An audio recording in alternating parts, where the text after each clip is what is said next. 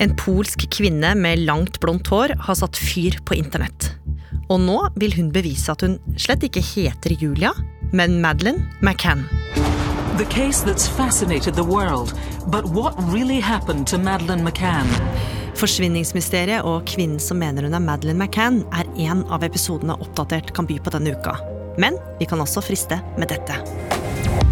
For det første, fyllesex er det verste jeg vet. Det er det verste jeg vet. Det var podkasten som skulle hjelpe NRK å nå de unge. Men nå er eventyret over. Så var det altså over. Podkastsamarbeidet mellom Sofie Elise og NRK er slutt.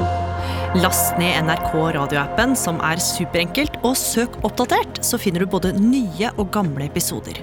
Og du, der finner du også en rykende fersk episode om lystløgneren som jugde seg til topps i USAs kongress. Han har omtalt seg som et bevis på den amerikanske drømmen og ble regna som et friskt pust.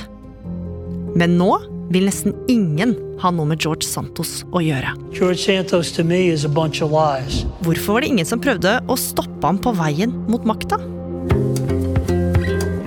Jeg heter Gry Veiby, og Oppdatert hører du nå kun i NRK radioappen.